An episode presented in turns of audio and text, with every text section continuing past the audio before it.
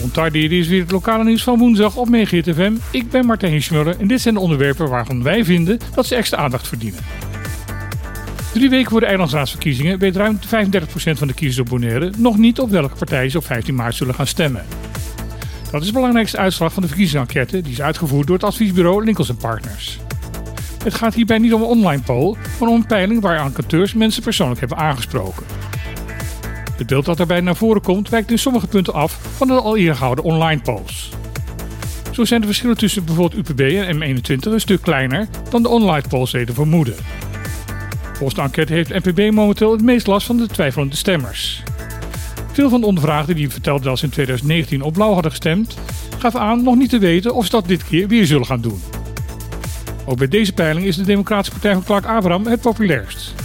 Al is zijn voorsprong op de rest hier een stuk kleiner dan bij de online polls. James mag rekenen op de meest trouwe aanhang. De meesten die in 2019 op de UPB stemden, geven aan dat over drie weken weer te zullen gaan doen. De lijst Susie Today en Un Unión por Pueblo doen het slecht in deze peiling. Op de vraag of wie er gestemd gaat worden, werd de naam Susie Today zelfs helemaal niet genoemd. Duiken rondom Bonaire is sinds 20 februari een stukje minder veilig geworden. Dit komt omdat op die datum de stichting Recompressietank Bonaire genoodzaakt is geweest om de recompressietank die onder haar beheer staat tijdelijk te sluiten.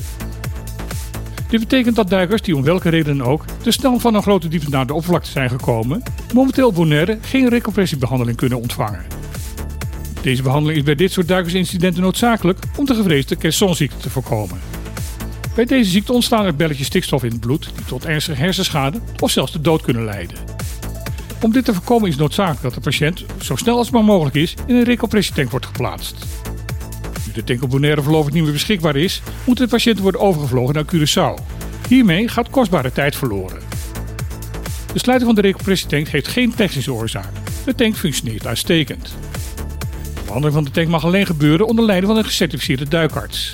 Een arts dus die heeft geleerd hoe de behandeling uitgevoerd moet worden. Sinds de pensionering van dokter Van der Vaart begin dit jaar is hij niet meer op Bonaire aanwezig. Het is de stichting namelijk niet gelukt om op tijd een opvolger te vinden. Men hoopt nu dit probleem tussen de 6 en 8 weken wel te kunnen oplossen. Eerst tijdelijk, maar hopelijk op termijn permanent. In de tussenliggende periode is het te hopen dat er op Bonaire geen ernstige incidenten zullen plaatsvinden.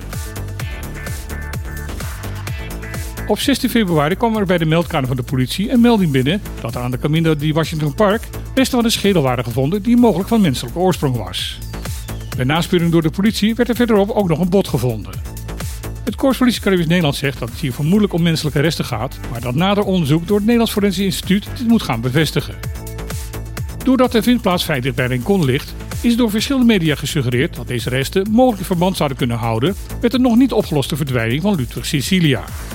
Deze man is op 11 januari voor het laatst gesignaleerd nabij Rincon. Het KPCN geeft aan dat het mogelijk is dat het hier om de vermiste persoon gaat, maar dat er momenteel daar nog geen sluitend bewijs voor is. Met andere woorden, er zal eerst een DNA-onderzoek gedaan moeten worden. Mocht onderzoek uitwijzen dat het inderdaad om de heer Cecilia gaat, dan zal de politie allereerst de familie hierover inlichten. De Wetenschappelijke Raad voor het Regeringsbeleid is het oneens met de koers van de regering Rutte aangaande het klimaatbeleid van het deel van het Koninkrijk. Dat blijkt uit het rapport Rechtvaardigheid en Klimaatbeleid dat vandaag door de Raad is uitgegeven.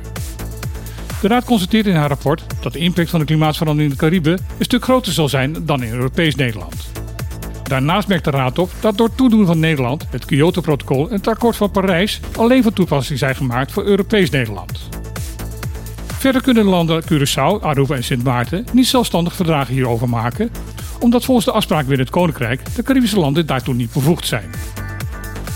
Intussen bereidt Greenpeace een rechtszaak voor om de Nederlandse regering te dwingen actiever te zijn in het beschermen van de Cariben tegen de klimaatveranderingen.